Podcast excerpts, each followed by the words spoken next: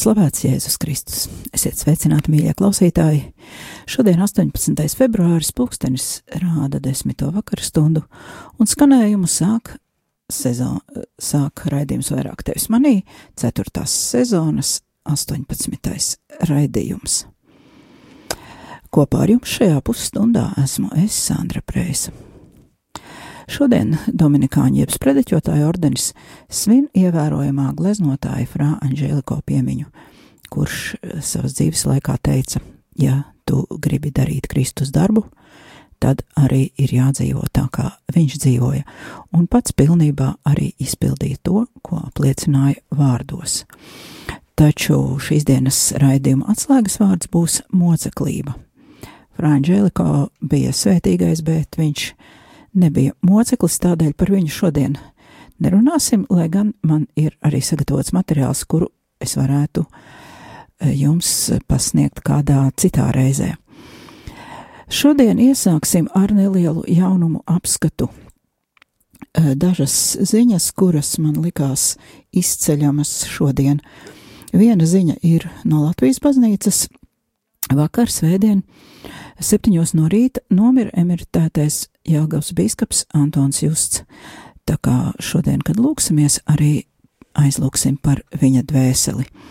Otra ziņa, kura sasaucas ar šā vakara raidījumu tēmu - Āfrikā, Burkina Faso, tādā valstī. 15. februārī tika nogalināts Salesiāņu ordeņa brālis misionārs, kā raksta Vatikāna mājaslapā. Mūsdienu mocekļu rindas ir papildinātas ar džihādistu nogalināto priesteri misionāru, kurš strādāja Āfrikā. Tas ir 72 gadus vecais salēzijāņu tēvs Antonio Cezara Fernandes, kurš priesterībā bija nokalpojis 46 gadus. Trešā ziņa - Vatikāna radio latviešu korespondente Silvija Krifteža raksta tā. Pāvests Francisks un ticības mācības kongregācija pieņēma spriedumu par bijušā Vašingtonas emeritētā arhibīskapa kardināla Teodora Edgara Makarika pārcelšanu uz laicīgo kārtu. Baznīcas soda piemērošanas iemesls ir pedofīlijas skandāls, kurā bija iesaistīts bijušais garīdznieks. Spriedums tika pieņemts pēc ticības mācības kongregācijas, rūpīgi veiktas izmeklēšanas, atzīstot 88 gadus veco Makariku par vainīgu šādos pārkāpumos. Pamudināšanā uz grēku izlīkšanas sakramentu laikā, dekaloga sastāv baušļa pārkāpšanā, netiklības ar bērniem un pieaugušajiem piekopšanā, kā arī savas varas ļaunprātīgā izmantošanā. Par to informē Vatikāna preses birojas. Sakarā ar to Makarikam tika piemērots viens no augstākajiem baznīcas noteiktiem sodiem. Pirms 45 gadiem viņš tika apsūdzēts par nepilngadīgo pavadināšanu, kad veica pastorālo darbu Ņujorkas diecēzē. Tomēr laika gaitā parādījās jaunas apsūdzības par semināristu izmantošanu 80. gados, un līdz šim Makariks atradās svētā Fidelisa kapucīnu klosterī. Atļauju uzturēties viņam deva ordeņa priekšnieks Kristofers Poprovaks, un Salinas diecēzes bīskaps Džeralds Vinka. Pagājušā gada 28. jūlijā pāvests Francisks Teodoru Makariku izslēdza no kardināla kolēģijas, bet jau pirms tam svētais tēvs bija aizliedzis viņam publiski veikt priesterisko kalpojumu. Nu, šī ziņa man likās arī tāda būtiska, jo mēs esam arī raidījumos daudz runājuši par varmācību un tās sekām un saprotam, ka noziegumi tiešām ir bijuši smagi. Ceturtā ziņa. Uh, kā atsaucoties uz Vatikānu medijiem, ziņo Latvijas sabiedriskie mediji. Nedēļas otrajā pusē Vatikānā pulcēsies bīskapi, no visas pasaules, lai piedalītos starptautiskā konferencē, kas veltīta cīņai pret seksuālo vardarbību un citiem pārkāpumiem pret mazgadīgām personām katoļu baznīcas iekšienē.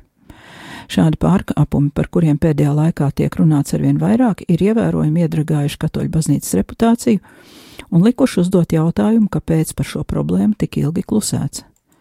Konference notiks laikā, kad baznīca ir sākusi vērsties pret vairākām augstām, augsti stāvošām personām, pret garīdzniekiem baznīcā.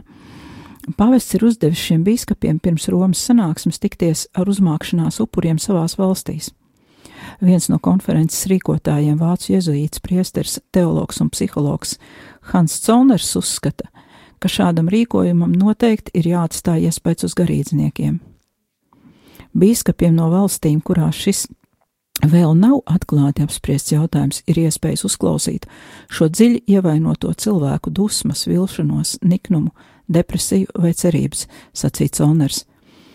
Tas pilnīgi noteikti ietekmēs šīs sanāksmes noris, norisi, jo, ja tu reiz esi apsēdies un aprunājies ar seksuālu noziegumu upuri un esi viņā patiesi ieklausījies, tu atver savu prātu, ausis un sirdi un tu vairs nekad nebūsi tāds pats cilvēks kā iepriekš. Tu saproti, ka kaut kas ir jāmaina. Pēc Caunera vārdiem daudzas valstis jau ir iesniegušas, jau ir sniegušas milzīgu ieguldījumu cīņā pret seksuāliem noziegumiem baznīcā, un no šīm valstīm jau tiek saņemts arvien mazāk ziņojumu par jauniem pārkāpumiem.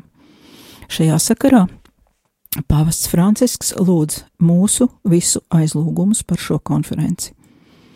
Un tas ir saprotami, ka Jautājums ir smags, bet tas ir jārisina, jo, kā zināms, Kristus, Kristus ir miris par mums, Kristus ir cietis, bet tas nenozīmē, ka drīkst darīt pāri un vairot ciešanas baznīcas iekšienē šādā te noziedzīgā veidā, un baznīcai vajadzētu būt vietai, kur cilvēki patveras no varmācības, nevis cieši no varmācības.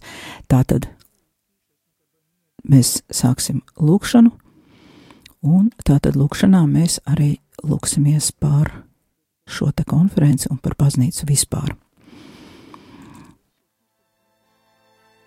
Bet tagad nedaudz šī vakara raidījuma tēmas ievadam sakarā ar to, ka milzu soļiem tuvojas gaveņa laiks, Šodien aplūkosim tēmu, kura netieši skar arī mūsu attieksmi pret gavēni, ja to mēs saprotam kā gandarīšanas laiku.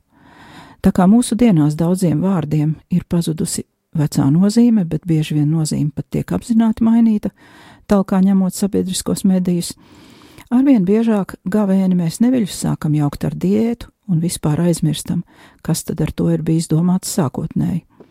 Līdzīgi ir arī ar citiem vārdiem, piemēram, ar vārdu ciešanas vai vārdu moceklība vai moceklis, bet par to tad pēc lūkšanas. Un tagad lūksimies par sevi, par šī vakara raidījumu, lai mēs to spētu izmantot savai garīgajai izaugsmai, un īpašā veidā lūdzamies pavest nodomā gan par konferenci Vatikānā, gan par visiem, kuri cietuši no jebkādas vardarbības, un lūdzamies arī par mirušo biskupu Justu, Dieva tēva un dēla un svētā gara vārdā Āmen. Tēvs mūsu, kas esi debesīs, svētīts lai top tavs vārds, lai atnāk tava valstība, tavs prāts, lai notiek kā debesīs, tā arī virs zemes. Mūsu dienascho maizi dod mums šodien, un piedod mums mūsu parādus, kā arī mēs piedodam saviem parādniekiem, un neieved mūsu kārdināšanā, bet atpestī mūs no ļauna Āmen. Svētais ar ceņģeli Miķeli, palīdz mums cīņā, esi mūsu aizsargs pret vēlna ļaunumu un viltībām. Dievs, lai viņam pavēltā mēs pazemīgi lūdzam, bet tu debes karu pulku vadoni, ar dievišķo spēku iedzen ellē sātanu un visus ļaunos garus, kas klejo pa pasauli, lai samaitātu dvēseles. Āmen! Un tagad kopā ar Vašingtonas Dominikāņiem lūksim svētā Dominika aizbildniecību sev pašiem un baznīcai.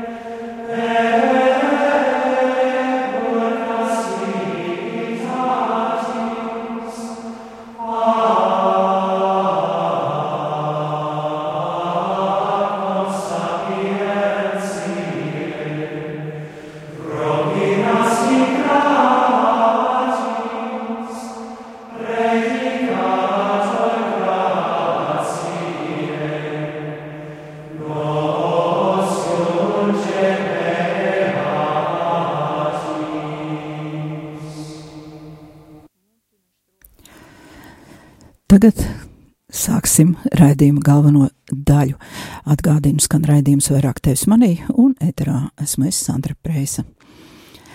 Uh, gribu brīdināt, kā raidījumā varbūt izskanēs kāds uh, retāk dzirdēts vārds vai svešvārds, tāpēc, ja kāds vārds nav saprotams, vai jūs šaubaties par nozīmi, vai kaut kā nav saprotama doma, droši rakstiet man jautājumus izziņās.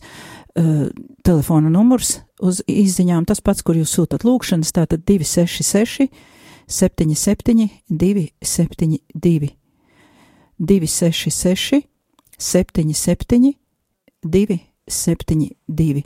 Tas gadījumā, ja jums ir kā, kaut kas nesaprotams tajā, ko es runāju, bet nu, es centīšos tā, lai būtu saprotami. Eh, vispirms nedaudz par avotiem, kurus izmantošu šī vakara raidījumā.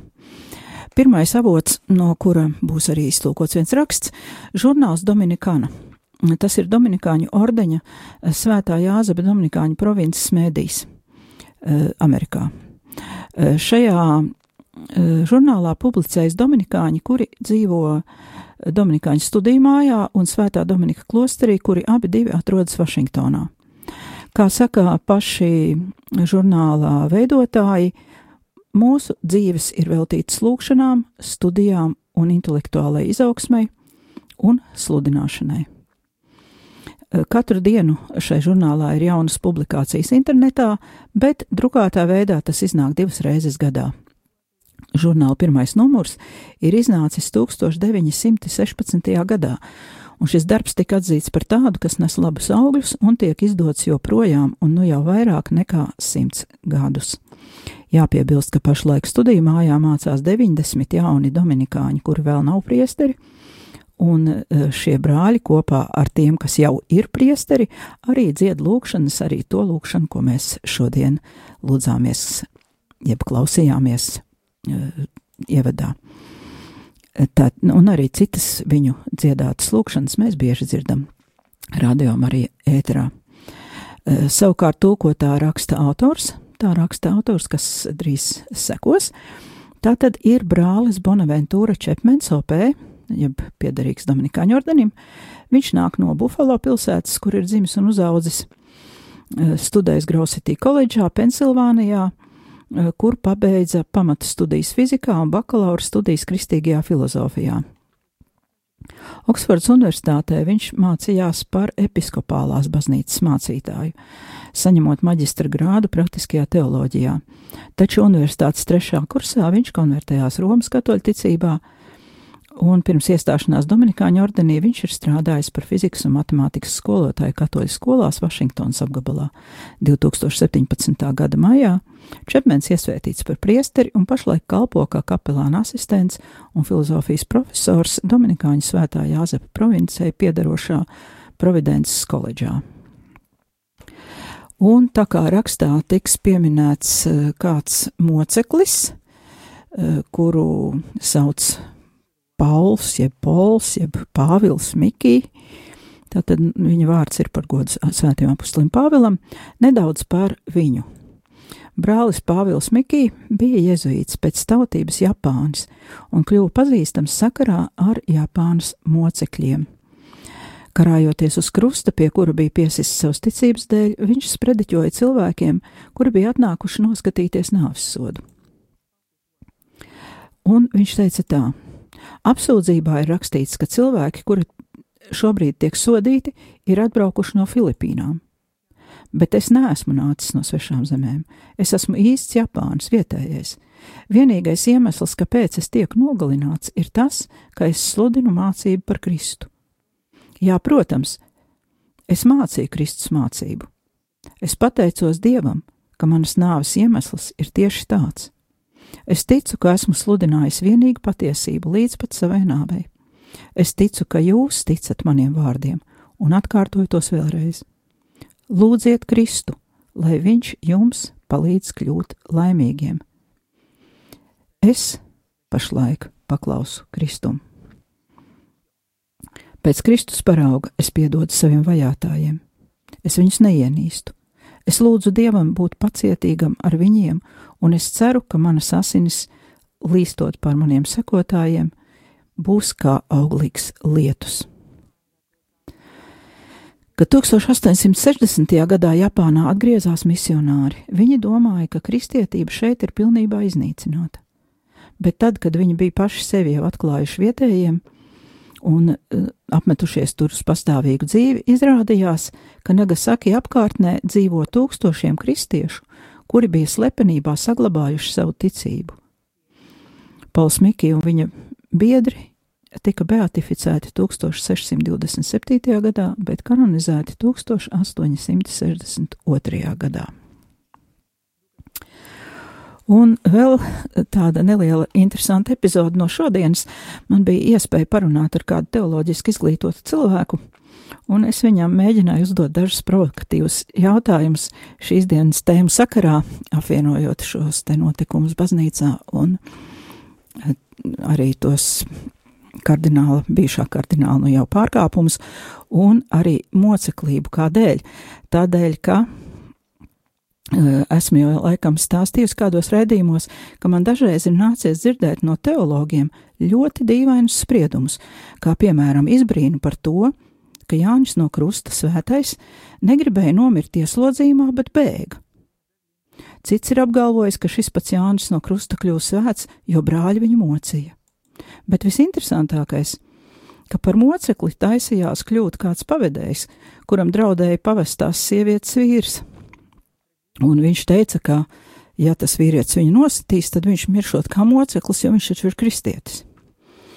Un te nu mani šodienas jautājumi un atbildes, kuriem, uz kuriem tālākajā raidījuma gaitā mēģināsim atrast paši savas atbildes.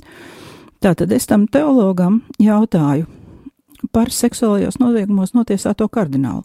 Bet kā tad būtu, ja viņu, šo pašu kardinālu, nogalinātu pie altāra stāvot, vai viņš tiktu atzīts par mocekli, neskatoties uz to, ka viņam ir izvirzīts šādas ap apsūdzības? Taču tas cilvēks, kam es jautāju, man atbildēja, cik man ir zināms, tad uh, Makarikam jau bija aizliegts turpināt svinēt svēto misiju, tātad tīri praktiski tas nevarētu notikt. ja Tad es jautāju tālāk, bet ja, piemēram, viņu nogalinātu kāds islāmists par to, ka viņš ir priesteris, viņš ir kristietis. Un tad uh, atbilde bija tāda, bet ja nu tomēr viņu nogalinātu, tad man liekas, ka ir jāatšķir divas lietas - moceklis un svētais jo ne visi mocekļi ir pasludināti par svētajiem. Piemēram, priesteris Litānieks arī ir nogalināts par to, ka viņš bija priesteris, bet baznīca automātiski nepasludināja viņu par mocekli vai par svēto. Un tad es jautāju, kā būtu, ja nogalinātu, piemēram, psihiski slims cilvēks vienkārši tāpat vien? Un atbild bija brāli Rožē, Tezē kopienā nogalināja psihiski nelīdzsvarots cilvēks, bet vai viņu tāpēc var uzskatīt par mocekli, Nu, nezinu. Un pēdējais jautājums bija, ja tādu noziedzīgu priesteri nogalinātu viņa upuris vai kāds upura radinieks par to noziegumu, ko šis priesteris ir pastrādājis. Tad atbilde bija, tā drīzāk būtu atriebība. Tātad eh, pie konkrētas atbildes mēs netikām, eh, un jautājums paliek, jo pēc cik man ir zināms, tad baznīcā tiek uzskatīts, ka ja priesteris ir kalpojis pie altāra un nogalināts tieši svētās misijas laikā, kalpojot, ka tad viņš tiek uzskatīts par ticības mocekli. Nu, tā vismaz bija ar to priesteri, kuru Francijā nogalināja islāmisti. Bet, kā dzirdējām, tiešu atbilžu nav, tā tad meklēsim atbildes paši. Tagad pie raksta.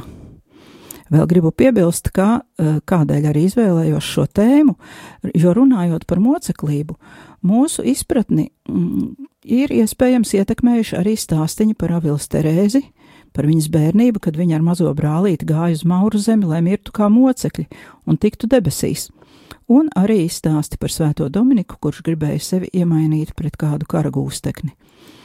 Bet abos šajos gadījumos neaizmirsīsim, kā Terēzes gadījumā vecāki, bet Dominika gadījumā priekšniecība neļāva viņiem uh, izpildīt viņu nodomus, tātad doties uz Mauru zemi vai, vai iemainīties pret kādu eh, kara gūstekni.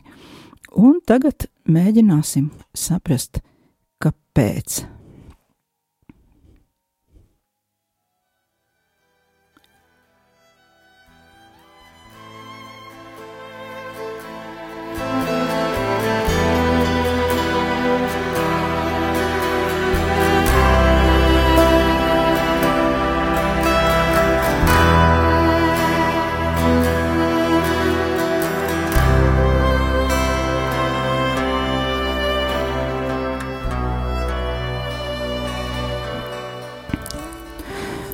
Brālis Bonaventūra Čepmens - moceklība. Vai stāsts patiešām ir par nāvi? Pateicoties sekularizācijai, mūsdienu modernais cilvēks ir aizmirsis kristīgo vārdu patieso nozīmi. Ņemsim piemēram Svēto Pāvilu Miki un viņa biedrus, kuri tika nogalināti un mira mocekļu nāvē 1597. gadā Nagasaki pilsētas nomalē, Japānā. Liecību par šo nāvi sniedz paša svētā Pola Mikija pēdējais sprediķis. Tā kā es esmu sasniedzis augstāko punktu savā dzīvē, esmu pārliecināts, ka neviens no jums nedomā, ka es pašlaik gribētu jūs maldināt. Un tāpēc es jums teikšu tieši: nav cita ceļa, kā tikt izglābtam, kā vien kristiešu ceļš. Mana reliģija māca man piedot ienaidniekiem un tiem, kuri mani vajā. Es ar prieku piedodu imperatoram un visiem, kas vēlējās man nāvi. Es kā ubaks lūdzu viņus: meklējiet kristiet, kristību un kļūstiet kristieši.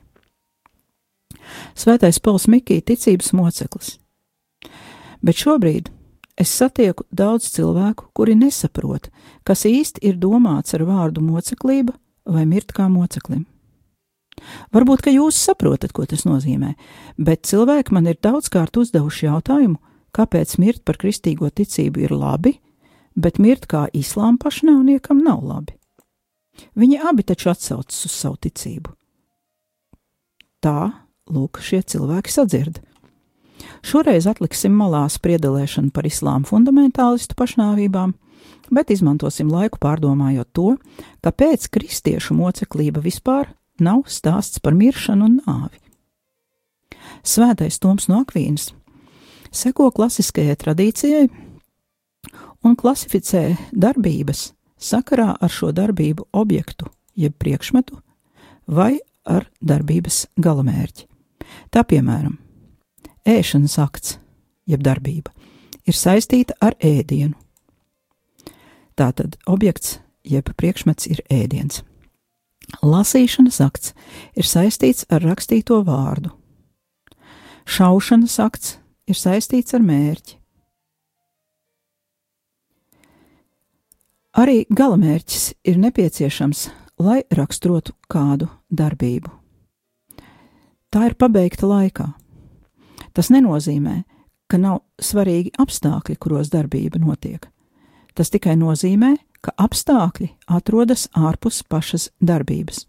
Tā piemēram, lasīšanas akts ir tas pats, tas neatšķiras atkarībā no tā, kas tiek lasīts - papīra grāmata vai elektroniskā, žurnāls, ziņojuma dēls, datorekrāns, izziņa telefonā vai vēl kas cits.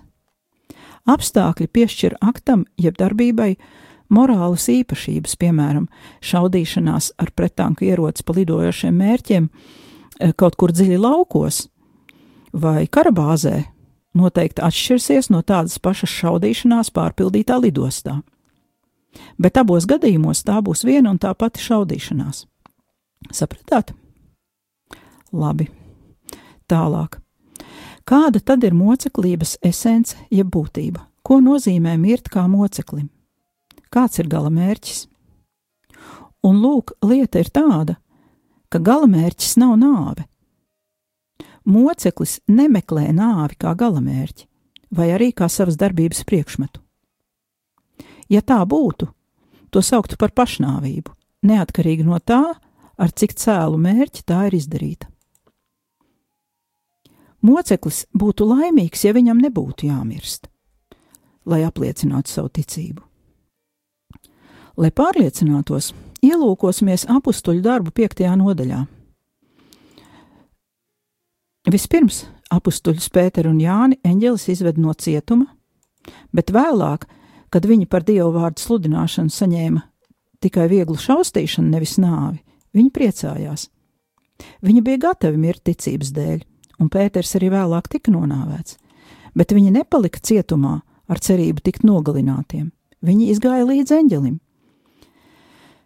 Un arī nelika vilties, vilties saduķējiem, jo galu galā viņi tomēr saņēma kārtīgu pērienu. Bet galvenā daļa šajā notikumā ir tas, ka viņi sludināja un liecināja par Kristu. Svētais Toms izgaismo šo aspektu savā teoloģijas summā diskusijā par moceklību. Viņš saka tā: Moceklība savā būtībā nozīmē stingru nostāšanos patiesības un taisnīguma pusē, un šīs nostājas saglabāšanu arī draudu un vajāšanu laikā. Teoloģijas summa, otrās daļas, otrā daļa 194, 124. artikuls pirmā daļa, pirmais kā raksta korpus. Pēc akvīnas toma moceklība ir īpašs gara spēka un izturības akts, stingras stājas saglabāšana arī skatoties nāvei acīs. Bet nāve nav mērķis. Svētais Toms skaidro: Izturība nāves priekšā pati par sevi nav nekas tāds, kas pelnītu slavu. Tā ir labums tikai tādā mērā, kādā to virza cēls mērķis, kurš padara to par likumības aktu, kā piemēram ticība vai mīlestība uz Dievu. Arī summa sekunda, sekunda 124a, trešais korpus. Tā tad nāve, protams, ir saistīta ar moceklību. Ja izturība kristīgajos tikumos tajā atklājas visaugstākajā pakāpē. Svētais Toms skaidro, Par mocekli kādu sauc tāpēc, ka viņš ir kristīgās ticības liecinieks, kurš māca mums atteikties no redzamajām lietām par labu neredzamajām. No tā izriet, ka cilvēku var saukt par mocekli, ja viņš ir pieņēmis nāves ciešanas Kristus dēļ. Teoloģijas summa, sekunda, sekunda, 124, 4. korpus. Moceklis ir tāds, kurš mirst nevis nāves dēļ, bet Kristus dēļ. Brālis Romans Cezārio P. skaidro: Teoloģiski ticība nodrošina specifisku nozīmi, kura atšķir kristīgo moceklību no politiskām slepkavībām vai no miršanas ideoloģisku apsvērumu dēļ. Moceklība ietver sevī zināmu pasivitāti, kuras nav gadījumā ar spridzinātāju pašnāvnieku, piemēram. Moceklība ir kaut kas līdzīgs Kristus nāvei uz krusta. Moceklis izcieš nāvi, tā sagādā viņam ciešanas, bet moceklis nemeklē nāvi. Šāda moceklības izpratne atklāja divus svarīgus punktus. Pirmais Katram kristietim vajadzētu savā garā būt mazliet līdzīgam moceklim. Katru reizi, kad mēs esam aicināti liecināt par to, kādas izmaiņas Kristus ir ienesis mūsu dzīvēm, ja liecinām ar vārdiem vai darbiem pretinieku priekšā, mēs varam, līdzīgi svētiem Paulam, Mikijam un biedriem, lūgt pēc izturības dāvanas, tādā mērā, kāds ir nepieciešams konkrētajā situācijā. Otrais - šī izpratne pieprasa daudz lielāku nopietnību, kad veicam jebkādu darbību vai liecību. Viena no galvenajām agrās baznīcas diskusiju tēmām bija, ko darīt ar tiem kristiešiem, kuri vajāšana laikā salūza un aizliedza savu ticību, neliecināja par Kristu. Pirmie kristieši ļoti nopietni ņēma liecības došanu par Kristu, pat tad, ja tas nevienmēr beidzās ar nāvi bet kā ir ar tevi? Ar šo jautājumu arī beidzas brāļa Bonaventūras Čepmena raksts. Un tā tad visa šī raksta esence, ka kristietis vispirmām kārtām apliecina ticību, viņš nemeklē ciešanas un nāvi, ciešanu dēļ vai nāves dēļ, bet, ja viņam ir jāliecina par ticību un nav nekādas citas izējas, viņš ir gatavs drīzāk ciest vai pieņemt nāvi, nekā atteikties no ticības. Un būsim saprotoši attiecībā arī uz savu garīgo dzīvi. Atcerēsimies, ka ciešanām nav vērtība tikai tādēļ, ka tās ir ciešanas. Nemeklēsim ciešanas, nemeklēsim nāvi, bet būsim pacietīgi un lūgsim Dievam spēku, nezaudēt savu ticību nekādās ciešanās, nekādos apstākļos, un palikt spējīgiem liecināt, un tā būs mūsu patiesā moceklība.